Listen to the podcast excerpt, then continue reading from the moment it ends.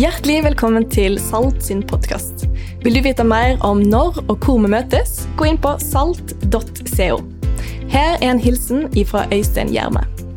Tusen takk for at du lytter til podkast ifra Salt. Vi er inne i en spennende periode som menighet fordi vi har akkurat kjøpt Forum kino, som skal bli et hjem for Salt, og så skal det være et kulturhus for hele byen.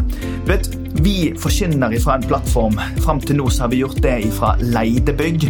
Nå har vi muligheten til å investere i et bygg som skal velsigne mennesker i mange år framover.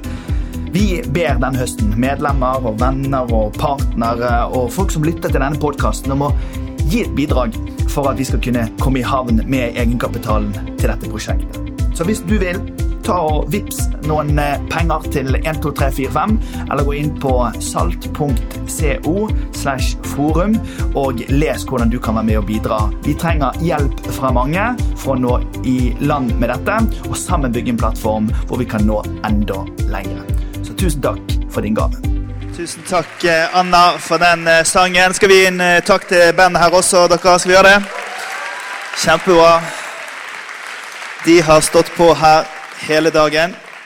Og eh, andre steder rundt omkring i landet så har vi hatt eh, gudstjenester i dag. Og det er mange sånne som står på og gir gass for at eh, kirkene skal være fullt av liv og røre. Og jeg er så utrolig takknemlig for alle frivillige som gir av tiden sin og kreftene sine for at det skal være søndagsskoler og musikk og gudstjenester på bedehus og i menigheter i dette landet. her. Hadde ikke det vært for de tusenvisene av frivillige som gjør den hederlige innsatsen, fordi de gjør akkurat sånn som Anna synger her. De tror, selv om de ikke alltid føler det, de tror, og så kjenner de at det bærer. Så jeg syns vi skal bare gi en kollektiv saltapplaus til alle de folkene, selv om de ikke hører oss.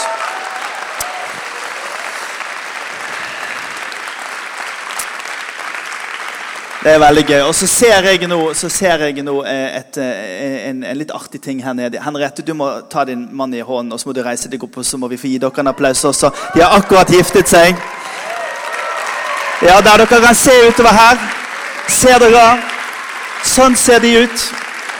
Eh, og, jeg, eh, og, dere som tenker dette er ikke så nøye å gifte seg Jo, det er det. det. Da blir du like lykkelig som disse to her borte. Så hvis du har i hvert fall det valget, så, så ordner vi det. Og det er helt gratis for deg som er medlem i Salt.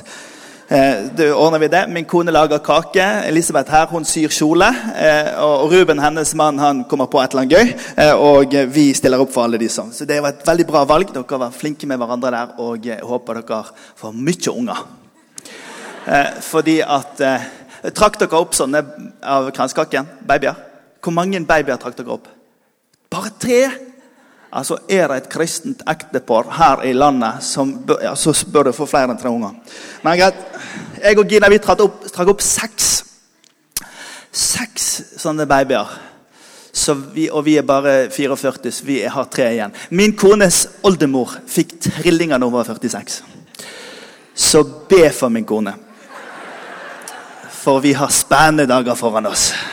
All right. Du, I dag begynner vi en uh, ny serie. Unnskyld, Ariane, ikke si det til din mor. Ikke... Um, vi har en spennende serie foran oss, og, og det kan virke kanskje litt overveldende når jeg sier at vi skal snakke om dette i seks uker. Men ideen vår med å snakke om et tema lenge nok, det er at det tar av og til litt tid når vi skal gripe et nytt konsept. Og Du trenger ikke å komme og høre denne talen hver gang, men det du kan gjøre da er å logge deg på podkasten vår, og så kan du høre den når du er konsentrert eller du går en tur, sånn at du får med deg linjene i det som vi sier. Vi mener jo at en gudstjeneste opplevelse er noe annet enn å bare høre på en podkast. En podkast er jo forskjøvet ut ifra lovsangen og forbønnen og sammenhengen og fellesskapet. Så vi tror jo på det å samles, det er vi veldig opptatt av. Men hvis ikke du får ha muligheten til det hver av disse seks ukene, så anbefaler jeg deg til å bli med på en liten sånn eh, reise i et tema som vi mener er veldig viktig. Jeg satt som student på eh, skolen der som jeg studerte i USA. og Så var det dr. Joseph Yumidi, min lærer, som kom inn og så sa han dette som Ruben her siterte, at samtalen er relasjon. Den måten vi snakker til hverandre på, den måten vi lytter til hverandre på, det er det som bygger den, eh, den eh, personlige relasjonen som gjør at det kan berike en selv, og det kan berike den andre. Og Det med relasjoner dere, det er en av de, de, aller viktigste tingene. I hvert fall vår del av verden så bruker vi mye krefter eh, vi skal straks komme til det, vi bruker mye krefter på å forstå hverandre. fordi at eh, det er jo en hel gjeng med folk rundt oss som, som ja, Denne boken kom jo ut her nå i, i, i Sverige her for litt siden. Denne her, har dere sett denne her? 'Omgitt av idioter' det er jo Eriksson bok, sitt forsøk på å sette enkle farger til de ulike personlighetstypene. Du kan bo i et nabolag, og så er det en som bare du skjønner ikke hva han holder på med. Og så kan du holde på med et gruppearbeid, og så har du plutselig lyst til å bli seriemorder. Eh, og, så, og, så, skjer det ting i deg fordi du føler at du er omgitt av idioter. Han, han snakker her om den røde personen som er dominerende og har konkurranseinstinkt og, og liker å bestemme, ofte ledertyper. ikke sant? Og så har du de gule de er inspirerende og joviale, og det er jo de også i KrF. De grønne de er stabile Nå dropp det politiske. Eh, de blå de er analytiske, og patentene ble bare helt feil inn i hodet mitt her når jeg tenkte politisk på dette. Det har ingenting med politikk å gjøre, men ideen til Eriksen det er det at uh, disse fargetypene kan hjelpe oss å forstå at vi mennesker vi er forskjellige. Så har du Myers-Briggs. ikke sant? Er det noen som har gjort Myers-Briggs her? Det er veldig interessant med Myers-Briggs. Det var Myers-Briggs vi gjorde her i november i fjor. I Myers-Briggs da kom jeg og barnepastoren i menigheten her, Mari Kristine, vi kom ut med samme personlighetstype som moder Teresa, Jesus og Adolf Hitler. Og det er klart at de, de, det stemmer jo ikke alltid. Vi har disk, vi har de fem typene. Og ideen med personlighetstestene det er det at vi skal forstå at vi er ikke like alle. Og fordi vi ikke er like alle, så skal vi gi mer nåde til hverandre i vår forskjellighet.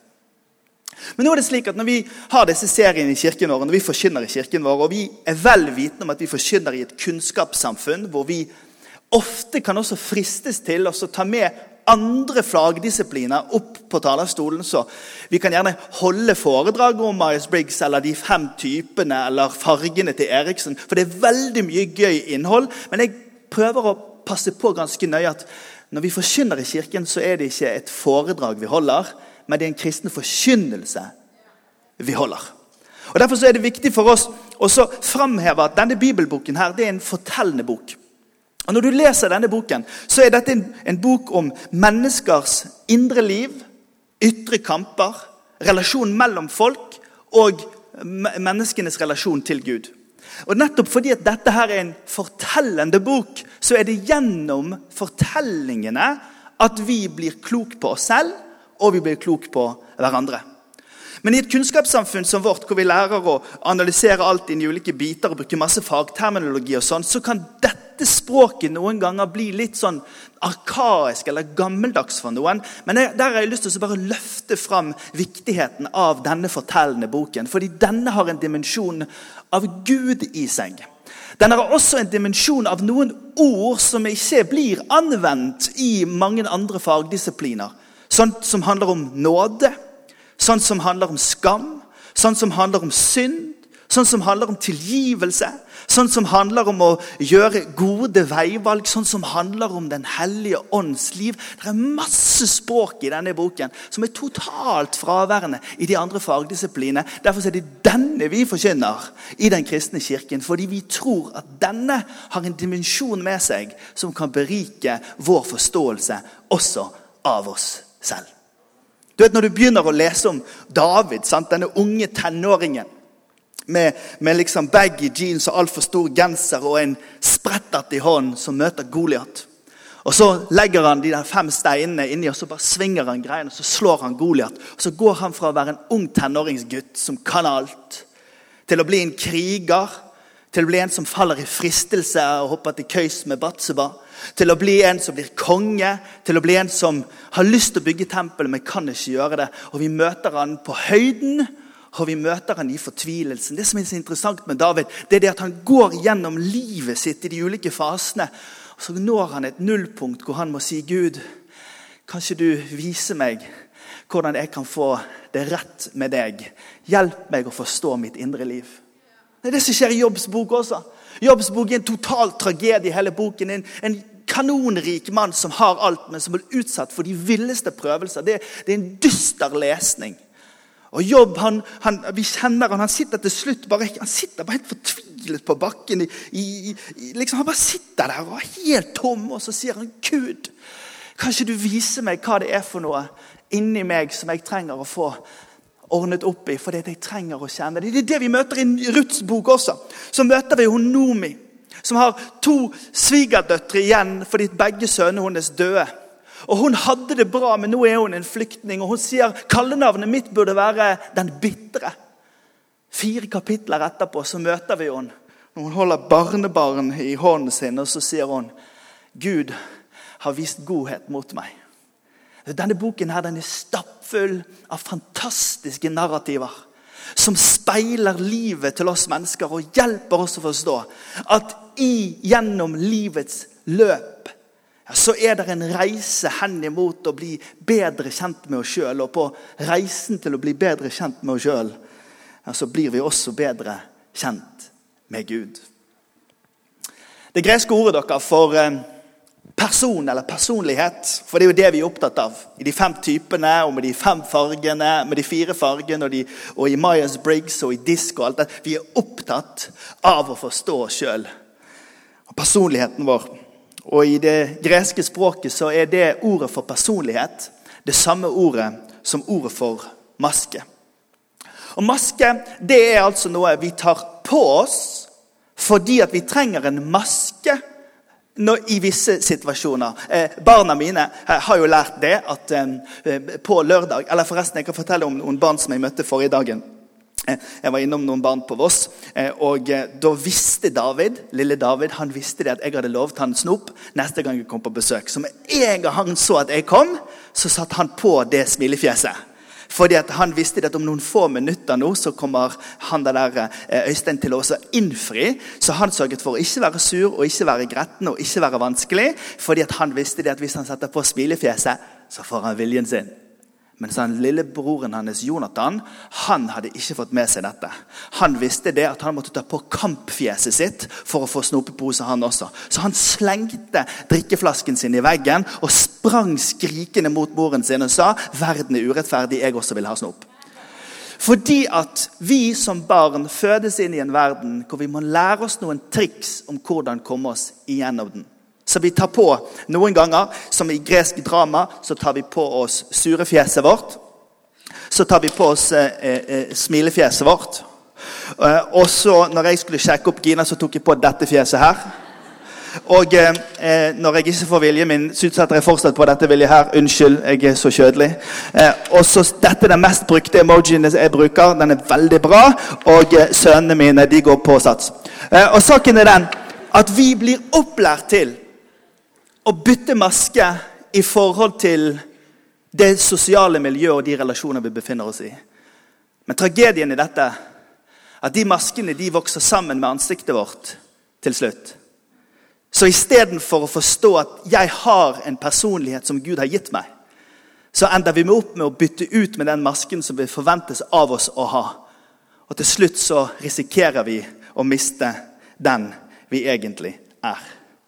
Fredrik Bickner skriver i sin bok 'Telling Secrets' det originale, svakt lysende selvet det blir begravet dy så dypt at de fleste av oss ender opp med å ikke leve ut av det i det hele tatt. I stedet for så lever vi ut ifra de andre selvene, som vi kan konstant ta på og av som frakker og hatter mot denne verdens skiftende vær. Det er kanskje ikke rart derfor at om du gjør et enkelt søk på Google på ordet 'miste seg selv', så finner du enormt mange treff. Og hvis du gjør det på engelsk, så finner du millioner av treff. Fordi at vi ser dette i samfunnet vårt hele tiden. At vi som er født som originaler, vi kler på oss en annen identitet som vi tror det forventes at vi skal ha. Og i alt dette så blir vi sjøl borte. Og jeg sier ja til helsevesenet de skal hjelpe oss, så folk får ryddet opp. Så sier jeg ja til alle lærere og alle barnevernspedagoger, alle familieterapeuter, alle coacher og alle veiledere. Ja. Og så sier vi ja i Den kristne kirke. Til at Guds ord kan bidra til at maskene kan falle. Og vi sier ja til den kristne veiledningssamtalen og sjelesorgsamtalen som kan bidra til å rydde opp i alt dette. Thomas Merton, trappistmunken, han sier det på denne måten. Før eller senere må vi skille mellom hva vi ikke er, og hva vi er. Vi må akseptere det faktum at vi ikke er den vi vil være. Vi må kaste av oss vårt falske ytre selv som det billige og jålete plagget det er. Og vi må finne vårt virkelige selv.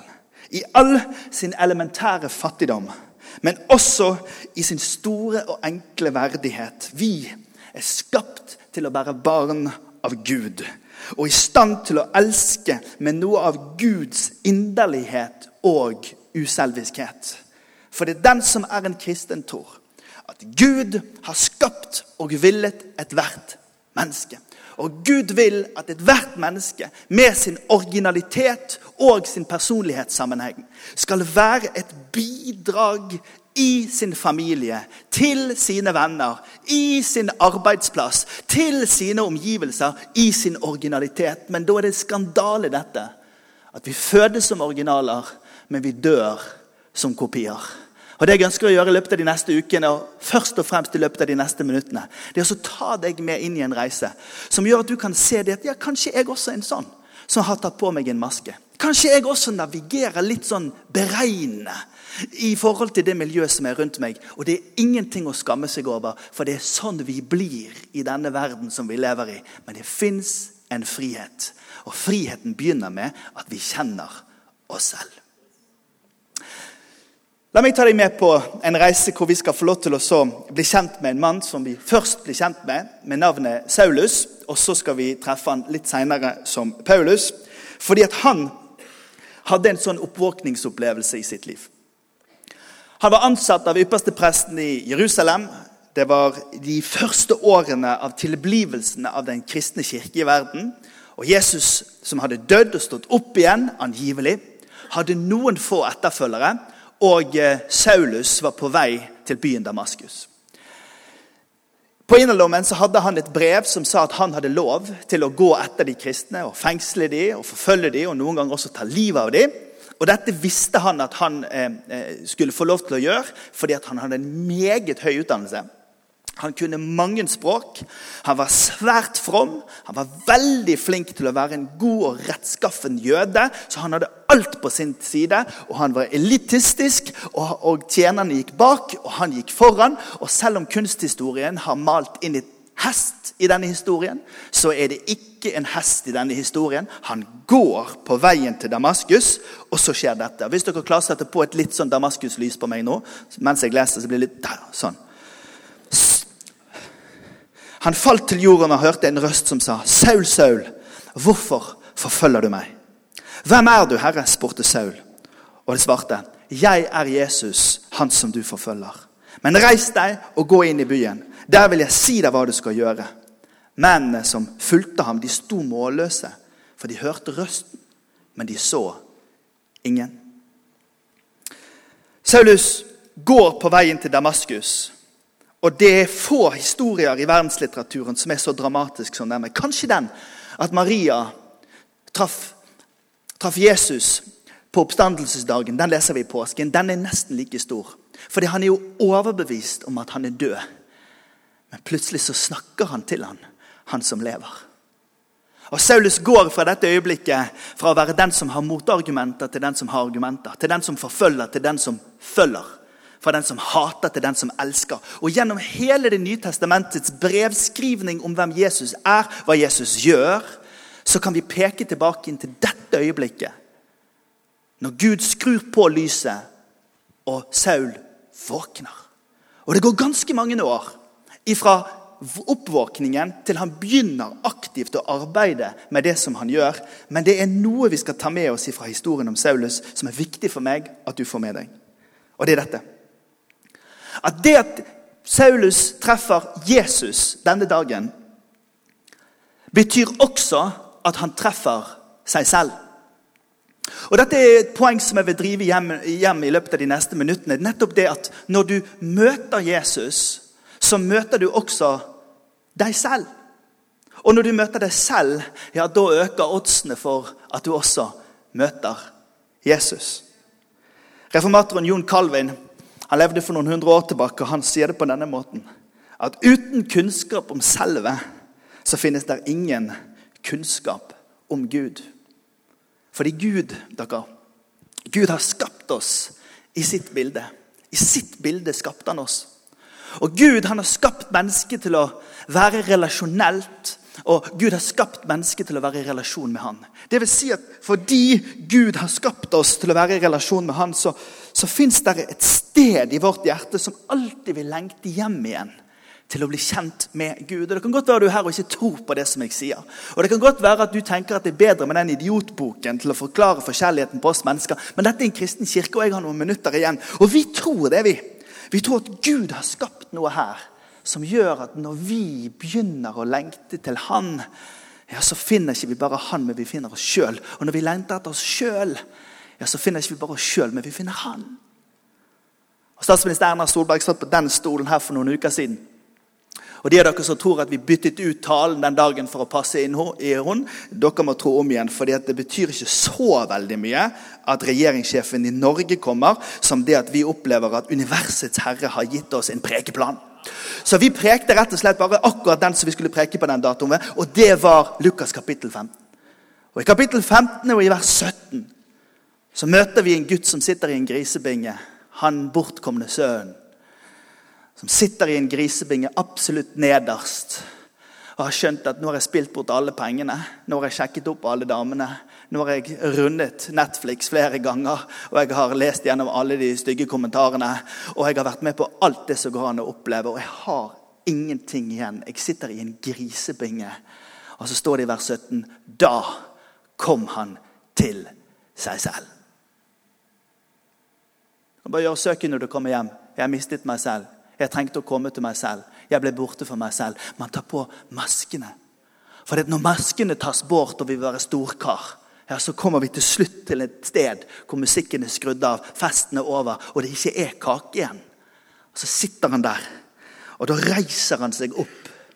Og så begynner han å gå hjem igjen.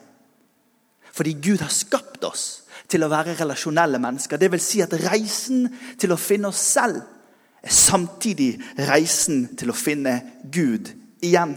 Det å finne tilbake til hvem Gud er, det er å finne veien til det som Gud har skapt meg til å være. I århundrer har kristne lærere sagt at det er like viktig å kjenne seg selv som det å kjenne Gud. Fordi at begge deler er samme møteplassen. Når jeg er sann om den jeg er, ja, da blir det sant hvem han er. Det var det som skjedde i det lyset på vei inn til Damaskus. Plutselig våknet Saul, og han skjønte jeg trenger å komme meg hjemover igjen. Jeg får ikke til livet mitt. Gud må hjelpe meg. Og Det var det den bortkomne sønnen også opplevde i vers 17 når han sitter der. Jeg fikser ikke dette sjøl. Jeg trenger å komme tilbake til han som kan gi det til meg. Og Det var det jeg også opplevde når jeg satt som ung teologistudent og Dr. Leonard Sweet sa til meg og jeg skulle bli stor pastor ikke sant? og jeg skulle vinne hele verden for Jesus. Og jeg hadde den på meg. sant? Og det var bare ikke én ting. ikke sant? Jeg hadde vært verdens snilleste russ. Jeg hadde giftet meg da jeg var 13 år. Jeg hadde liksom alt på gang for å liksom bare innta hele jordkloden for Jesus. Og jeg skulle bare få dette greiene til. Og så sier Dr. Leonard Sweet til meg sier at du, det å bli mer lik Jesus, det er å bli mer lik deg sjøl. Så at jeg bare hiver av meg forsøket på å bli Rick Warren og Bill Hybels og Brian Houston og Reinhard Bunke. og ikke alle som kjenner disse kjendisene engang. Men jeg er faktisk så nerdete at når kameratene mine har bilde av lettkledde kvinner på veggen på gutterommet sitt, så hadde jeg bilde av to skandinaviske predikanter. Og De spurte om jeg hadde problemer, og jeg sa det ikke er jeg som har problemer, det er dere som har problemer. Og jeg er nå tross alt blitt en predikant, og de har ikke blitt en naken dame. Men greien er den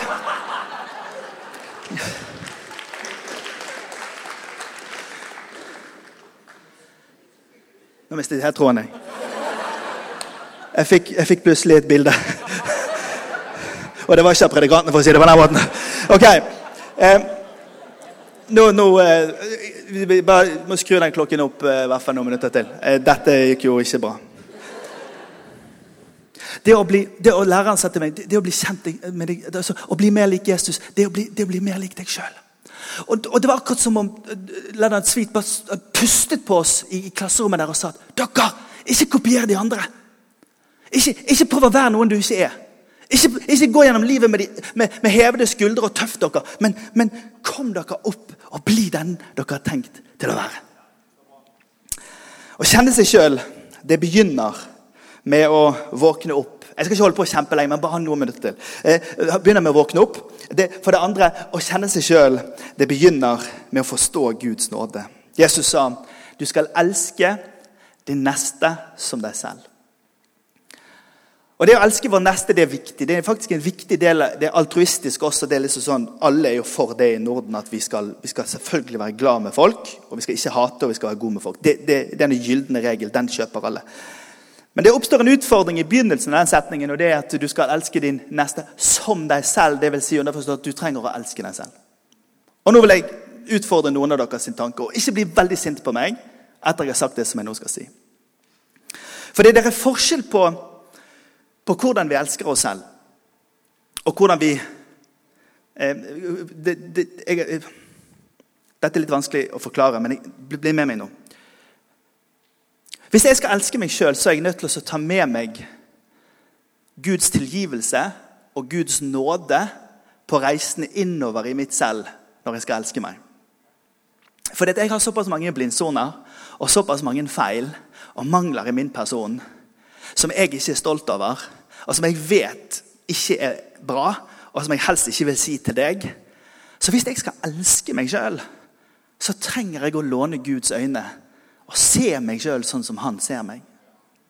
Og Det heter å elske seg selv gjennom Guds nåde og Guds tilgivelse. Og takk Gud for at han døde på det korset. Takk Jesus at han bar min synd og min skam. At også de greiene som jeg går på en smell på i morgen også, er skjult av Guds nåde for mitt liv. Elsk deg selv gjennom Guds nåde. Dette begrepet som er på denne siden av talerstolen i dag, har en tvilling som er født av en annen mor. Og Det er begrepet toleranse. Og Toleranse det er mer sånn at eh, Ja, jeg, du er god nok sånn som du er. Ikke tenk på det. Ja, men det er sånn du er. Toleransebegrepet er nesten som en sånn varm dyne som, som, som vi bare tar over våre skavanker og våre feil og inkluderer det under en raus 'ja, ja, det går greit'. Men det er noe annet enn Guds nåde. For det som skjer i møte med Guds nåde, det er det at man blir så Lyset blir kastet på de skyggesidene av ens liv, sånn at man, man, får, man får, på en måte en, en, kjærlighetsmøte som gjør at ja men, ja, men Gud, hvis du vil gjøre dette for meg, ja, da vil jeg komme deg i møte. Og da vil jeg leve slik som du har kalt meg til å leve. Men Toleransebegrepet utfordrer ikke automatisk til nettopp det. Det dekker heller over. Og Jeg sier ikke at vi ikke skal være tolerante i den politiske staten. Selvfølgelig. Men jeg vil at du skal se ved at jeg setter opp en kontrast her, at toleranse er utløser ikke alltid endringen for et liv, men Guds nåde og hans kjærlighet det utløser det fordi at han kaller oss til å leve en litt annerledes måte fra da av og ut. Paulus han prøver å forklare I Romerbrevet kapittel 7 så prøver han å forklare hvordan han hadde det før, og hvordan han har det nå. Og Nå skal vi lese hele ni vers om hvordan han hadde det før. Og Da leser vi altså da, for de av dere som eh, leser eh, skjønnlitteratur eller faglitteratur, det er veldig viktig med hvilken tid det leses i. Og Nå leser han altså preteritum slik det var før. Altså, Sånn var det før. Dette leser han. For jeg forstår faktisk ikke hva jeg selv gjør. Det jeg vil, det gjør jeg ikke. Og det jeg avskyr, det gjør jeg. Men, jeg gjør, det jeg, men gjør jeg det jeg ikke vil, gir jeg loven rett i at den er god. Så er det ikke lenger jeg som gjør det, men det er synden som bor i meg. For jeg vet at i meg, dvs. Si mitt kjøtt og mitt blod, bor det ikke noe godt. Viljen har jeg, men å fullføre det gode makter jeg ikke. Det gode som jeg vil, gjør jeg ikke, men det onde som jeg ikke vil, det gjør jeg. Men gjør jeg det jeg ikke vil, er det ikke jeg som gjør det, men det er synden som bor i meg. Jeg finner altså denne loven. Jeg vil gjøre det gode, men jeg kan ikke annet enn å gjøre det onde. Mitt indre menneske sier med glede ja til Guds lov, men jeg merker en helt annen lov i lemmene mine. Den kjemper mot loven i mitt sinn og tar meg til fange under syndens lov som er i lemmene. Og så slutter han sånn som dette. Jeg, ulykkelige menneske, hvem skal fri meg fra denne dødens kropp? Du får se over det når du kommer hjem. Det var mye å kommentere. Jeg rekker ikke gjøre det nå. Men se for deg at han kommer inn til han det der Thomas Eriksen på idiotseminar. Er du med? Jeg ulykkelige menneske. Så setter han seg ned og så forteller han, altså det jeg vil, det gjør jeg ikke. Og det som jeg kjenner jeg har lyst til å gjøre, det får jeg ikke til. Og så får jeg ikke til det, så måler jeg meg opp imot det der andre som får det til. Og så sitter han her Eriksen og sier han, du er en idiot. Og jeg tror at du er en blå idiot. For du er sykt analytisk, og du må bare slippe det. for hvis jeg kommer til å klikke for deg. Det er en måte å gjøre det på.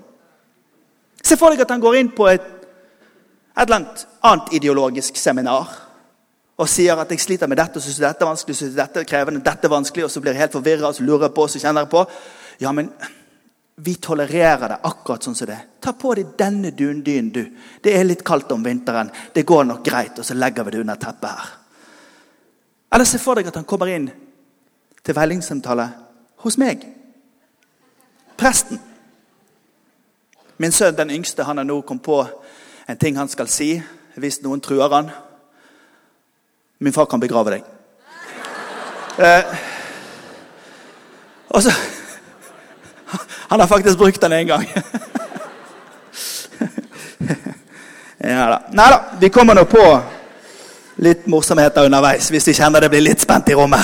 For jeg kjenner jo det at jeg får ganske kraftig motstand når jeg gjør dette med toleranse. her, Så jeg håper dere forstår at i det politiske, liberale Norge så skal vi selvfølgelig være tolerante mot alle. Sant? Men nå snakker jeg om som en teologisk kategori. Så er toleranse noe annet enn nåden som leder oss til et nytt liv. Og nådebegrepet må ikke forveksles med toleransebegrepet. For det nådebegrepet gir oss veien til endring. Mens toleransen den gir oss bekreftelse på at det er greit at det er som det er. Så hvis han kom inn til meg, så hadde jo jeg fordi jeg har jo lest teologi ganske mange år, jeg har sagt ja, men vi må jo se konteksten. Vi må jo se på hvilken sammenheng er det han sier. Vi må lese videre, hadde jeg da sagt.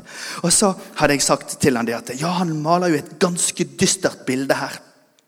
Han har jo tatt på seg veldig mange masker, han der Paulus. der han han har jo liksom prøvd å få til alt greiene fordi at han skulle være en streng religiøs dude. ikke sant? Han skulle ikke gå så mange skritt på sabbaten. og Han kunne ikke trykke på heisknappen, for det var arbeid. Han måtte si sånn og sånn og gjøre sånn og sånn og oppføre seg sånn og sånn. Han var jo utslitt av å få til å bære maskene.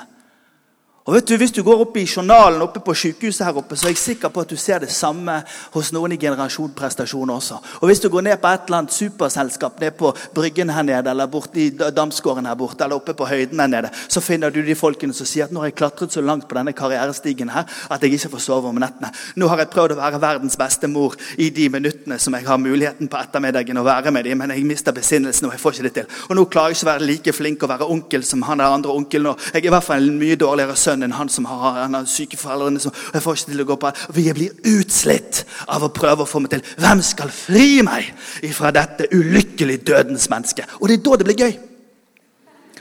For det er da kapittel åtte kommer. Med følgende utsagn så er det da ingen fordømmelse for den som er i Kristus Jesus. Fordi at vi bærer maskene til vi blir utslitt. Men når vi slipper maskene, så kan vi få lov til å vite det. Det står sjukt spesielt dårlig til av og til inni her. Men jeg ser meg sjøl med Guds øyne. Det finnes ingen fordømmelse for den som er i Kristus Jesus. Og vet du, Jeg utfordrer deg, Hvis ikke du har streket i Bibelen din eh, før, så gjør det når du kommer hjem. 14 ganger de neste 16 versene så snakker han om at Den hellige ånd har skrudd på lyset i livet hans. Nå er han våken. Trøsteren, veilederen, sannhetens ånd. Han som leder til gode valg. Han som blåser som en vind, han som treffer som en bølge. Han som varmer, han som lyser. Han er til stede i hverdagslivet. Når du leverer ungene i barnehagen, når du sitter i prosjektkonflikt på gruppearbeidet på universitetet. Når du, når du ikke får til det der eh, arbeidsoppgaven som sjefen har sagt til deg to ganger, for du har så mye tankekjør på noe annet som skjer i ditt sivile liv, så fins der en ånd av liv som vekker og skrur på lyset. Og Så kan du stå der og så kan du bare vite at jeg er ikke her for å få det til. Jeg er ikke her for å være perfekt. Jeg er ikke her fordi at jeg skal klare måtte for å innfri alle forventningspressene, men jeg kan leve både med erkjennelsen av sånn er livet, og bekjennelsen av at Hans nåde er nok for meg. Både erkjennelsen av at dette er et styr, men, men, samtidig bekjennelsen av at han er den kraften som jeg trenger i mitt liv. I vers 5 så oppstår et veiskille inne i livet hans. og det er dette. De som lever slik kroppen vil, de er bare opptatt av det som hører mennesker til. De har blikket her nede. Men de som lever slik ånden vil, de som løfter blikket og ser at det fins en annen virkelighet, det fins en annen virkelighet som også virker med, de får lov til å bli ledet slik som ånden leder. Venner, hør på meg. Å kjenne oss sjøl, det er å oppdage igjen den Gud har skapt oss til å være. Og Thomas Merton han sier det på denne måten. At før vi kan bli den vi virkelig er, så må vi være bevisst på den personen vi tror vi er her og nå, at det ikke er noe annet enn en fremmed som har trengt seg på og tatt plass i livet vårt. Og jeg ser på ungdommer jeg ser på folk som er like gamle som meg, i mitt livsperspektivet. Jeg ser på eldre som forsøker å være noe annet enn den de egentlig er. Og jeg ser slitet, jeg ser stresset og jeg ser prestasjon, og jeg tenker er det rart vi har så mye krevende situasjoner med psykisk helse og utfordringer i samfunnet vårt, når vi har bare noen få roller som folk får like i det samfunnet som vi lever i. Nå må vi kutte ut og gå etter likene og hive på oss disse maskene. Kaste de av oss og rette oss opp i ryggen og si 'Jeg er sånn som jeg er', og det er godt nok for Gud. Han har tilgitt meg. Jeg er fri her inne. Og så kan vi lage filmer som herjer med kristen tro. Vi kan peke og vi kan eh, sjikanere. Det er greit for meg. Men den som tror på Gud, både lever lenger er jevnt over slike som krysser mest på at de har en mening med livet sitt. Fordi at det fins et liv i tro. Det fins et liv hvor Den hellige ånd kan lyse og vekke oss til å få lov til å være den som vi er kalt til å være. I Efeserbrevet kapittel 4 nå slutter jeg med dette, så sier Paulus disse ordene. Han sier, 'Legg av det gamle livet. Kast greiene. Kast, kast det. Bli ny i sjel og sinn.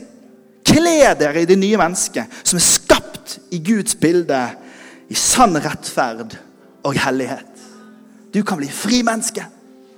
Men da må ikke du kjøpe ideen om at du må kle deg i den masken som de andre trykker like på. Du må slutte å tro at den måten du fikk en god karakter i heimkunnskapen du vet, Jeg kunne jo ikke heimkunnskap, men jeg lærte meg at hvis jeg tar på masken sykt flørtende med eldre kvinner som er heimkunnskapslærer, så får jeg beste karakter. Jeg fikk på den tiden som heter S. Jeg fikk S i heimkunnskap. Og jeg kunne ikke engang koke et egg. For jeg lærte meg at har jeg den masken på, så får jeg viljen min. Og Vi kan lure oss gjennom livet, eller så kan vi møte lyset, kaste av maskene og leve sant om det å være menneske. Og vet du, Sånne folk er det også mye enklere å være rundt. Sånne folk er det mye enklere å samarbeide med. Og sånne folk de er ganske imponerende. Skal vi reise oss opp, og så skal vi be sammen. Takk for tålmodigheten så langt. Herre, takk at du har kalt oss til å være fri. Og Takk at ditt ord lærer oss at når vi fødes inn i denne verden som er brutt, og som har skyggesider ved seg, så faller de skyggene også på oss. Herre, takker deg for hver enkelt person i dette rommet og som lytter til denne podkasten, som, som når de lå der og gurglet og koste seg i babyvirkeligheten sin, lå der som sånne små originaler. Herre. Jeg takker deg for det at fra før verdens grunnvoll ble lagt, så tenkte du på hver enkelt av oss. Så formet du hver enkelt av oss. Og Herre, og så kom barneårene, og så kom tenårene, og så kom ungdomsårene, og så kom voksenårene, og så kom maskene. Og så kom alt dette som kreves av oss for å navigere oss gjennom livet. Og Herre, jeg ber for hver enkelt av oss at du skal sette oss i frihet. Jeg ber om at du skal tale til oss, så at vi kan bli fri. Fri til å være den du har kalt oss til å være. Med vår personlighet. Med vår unike gave til samliv og til vennskap og til arbeid og til familie. Herre, jeg ber om frihet for hver enkelt. Med alle øynene lukket her inne. Det er ikke et spørsmål om du ønsker å bli en kristen, men hvis du kjenner at Den hellige ånd banker på ditt hjerte, og du kjenner om bare lite grann Dere kan se på meg på litt øyeblikk. Eh, om, du bare kjenner bare lite grann at ja, det er noe i dette som Øystein snakker om nå. Det er et landskap her som jeg må tørre å utforske, fordi at det kan være at det blir bedre å være meg om jeg slipper taket. Og det kan godt være det blir lettere å kjenne Gud også om jeg er mer sann om den jeg er. For et par år siden så hadde vi en litt sånn mediegreie, og jeg var ganske så utslitt. Og da satt jeg med en veileder. Jeg også har veileder som jeg prater med av og til. Og hun spurte meg hva er du mest redd for. Og så sier jeg jeg er mest redd for Jeg er mest redd for å bli 70 og snu meg og skjønne at dette ikke gikk. Fikk ikke til det der menighetsgreiene. Klarte ikke det der. For at jeg eh, har hatt identiteten min enormt mye i å få dette til. Men når jeg sa det, så kjente jeg at der var det noe som jeg trenger å slippe lyset inn på. Så tørde jeg også ta det steget inn i en sånn runde som er Nei, men helt alvorlig. Jeg har familien min, og jeg har vennene mine, og jeg har helsen min, jeg har livet mitt. Jeg kan ikke slave og bære denne der saltmenigheten. Jeg kan ikke slave og bære hele Norges kristning. Jeg kan ikke tenke at jeg er Olav den hellige. Jeg må roe meg kraftig ned. Jeg må slippe taket. Så blir det en nyfunnet frihet i meg. Og det er presten. Og Det står ofte like galt til med meg som det gjør med deg, men saken er at Den hellige ånd han vil noe med oss disse ukene. Skal alle øyne lukke seg her, og så spør jeg deg. Hvis du her og du kjenner at vet du hva, jeg trenger faktisk å tillate at Den hellige ånd får lov til å kaste lyset inn over min sjel, over mitt åndsliv, over mine motivasjoner og min tanke. Og du vil villig si, 'Herre, lær meg å kjenne meg sjøl bedre'. Herre, lær meg disse ukene å bygge sterkere relasjoner med deg, Herre, og med de menneskene som er rundt meg. Hvis det er din innstilling, så kan du bare løfte hånden din opp som en bekjennelse akkurat nå. At det er din innstilling og din holdning så kan du bare løfte din hånd opp som et tegn til Jesus. akkurat Jeg blir med på den reisen her. Dette vil jeg. Og se hender gå opp over hele rommet. Og nå ber jeg for dere som har oppstrekte hender. Jeg ber denne bønnen. Herre, jeg ber i de ukene som nå kommer, og som resultat av den kvelden som vi har hatt sammen i dag. Må det bli slik her at vi får bli mer kjent med oss sjøl. Må det bli slik at vi kan bli bedre kjent med deg. Må det bli slik her at på den andre siden av en økt innsikt og kunnskap om det å være oss sjøl, det å være menneske, ja, så blir vi også sånne som det blir enklere å være rundt. Sånne som forstår de folkene som er rundt oss, med en mer nådefull måte enn tidligere. Vi ber deg om det i Jesu navn. Da synger vi sammen. Tusen takk for at du lytta til podkasten. Vi håper at dette budskapet vil være til besignelse for deg i uka di.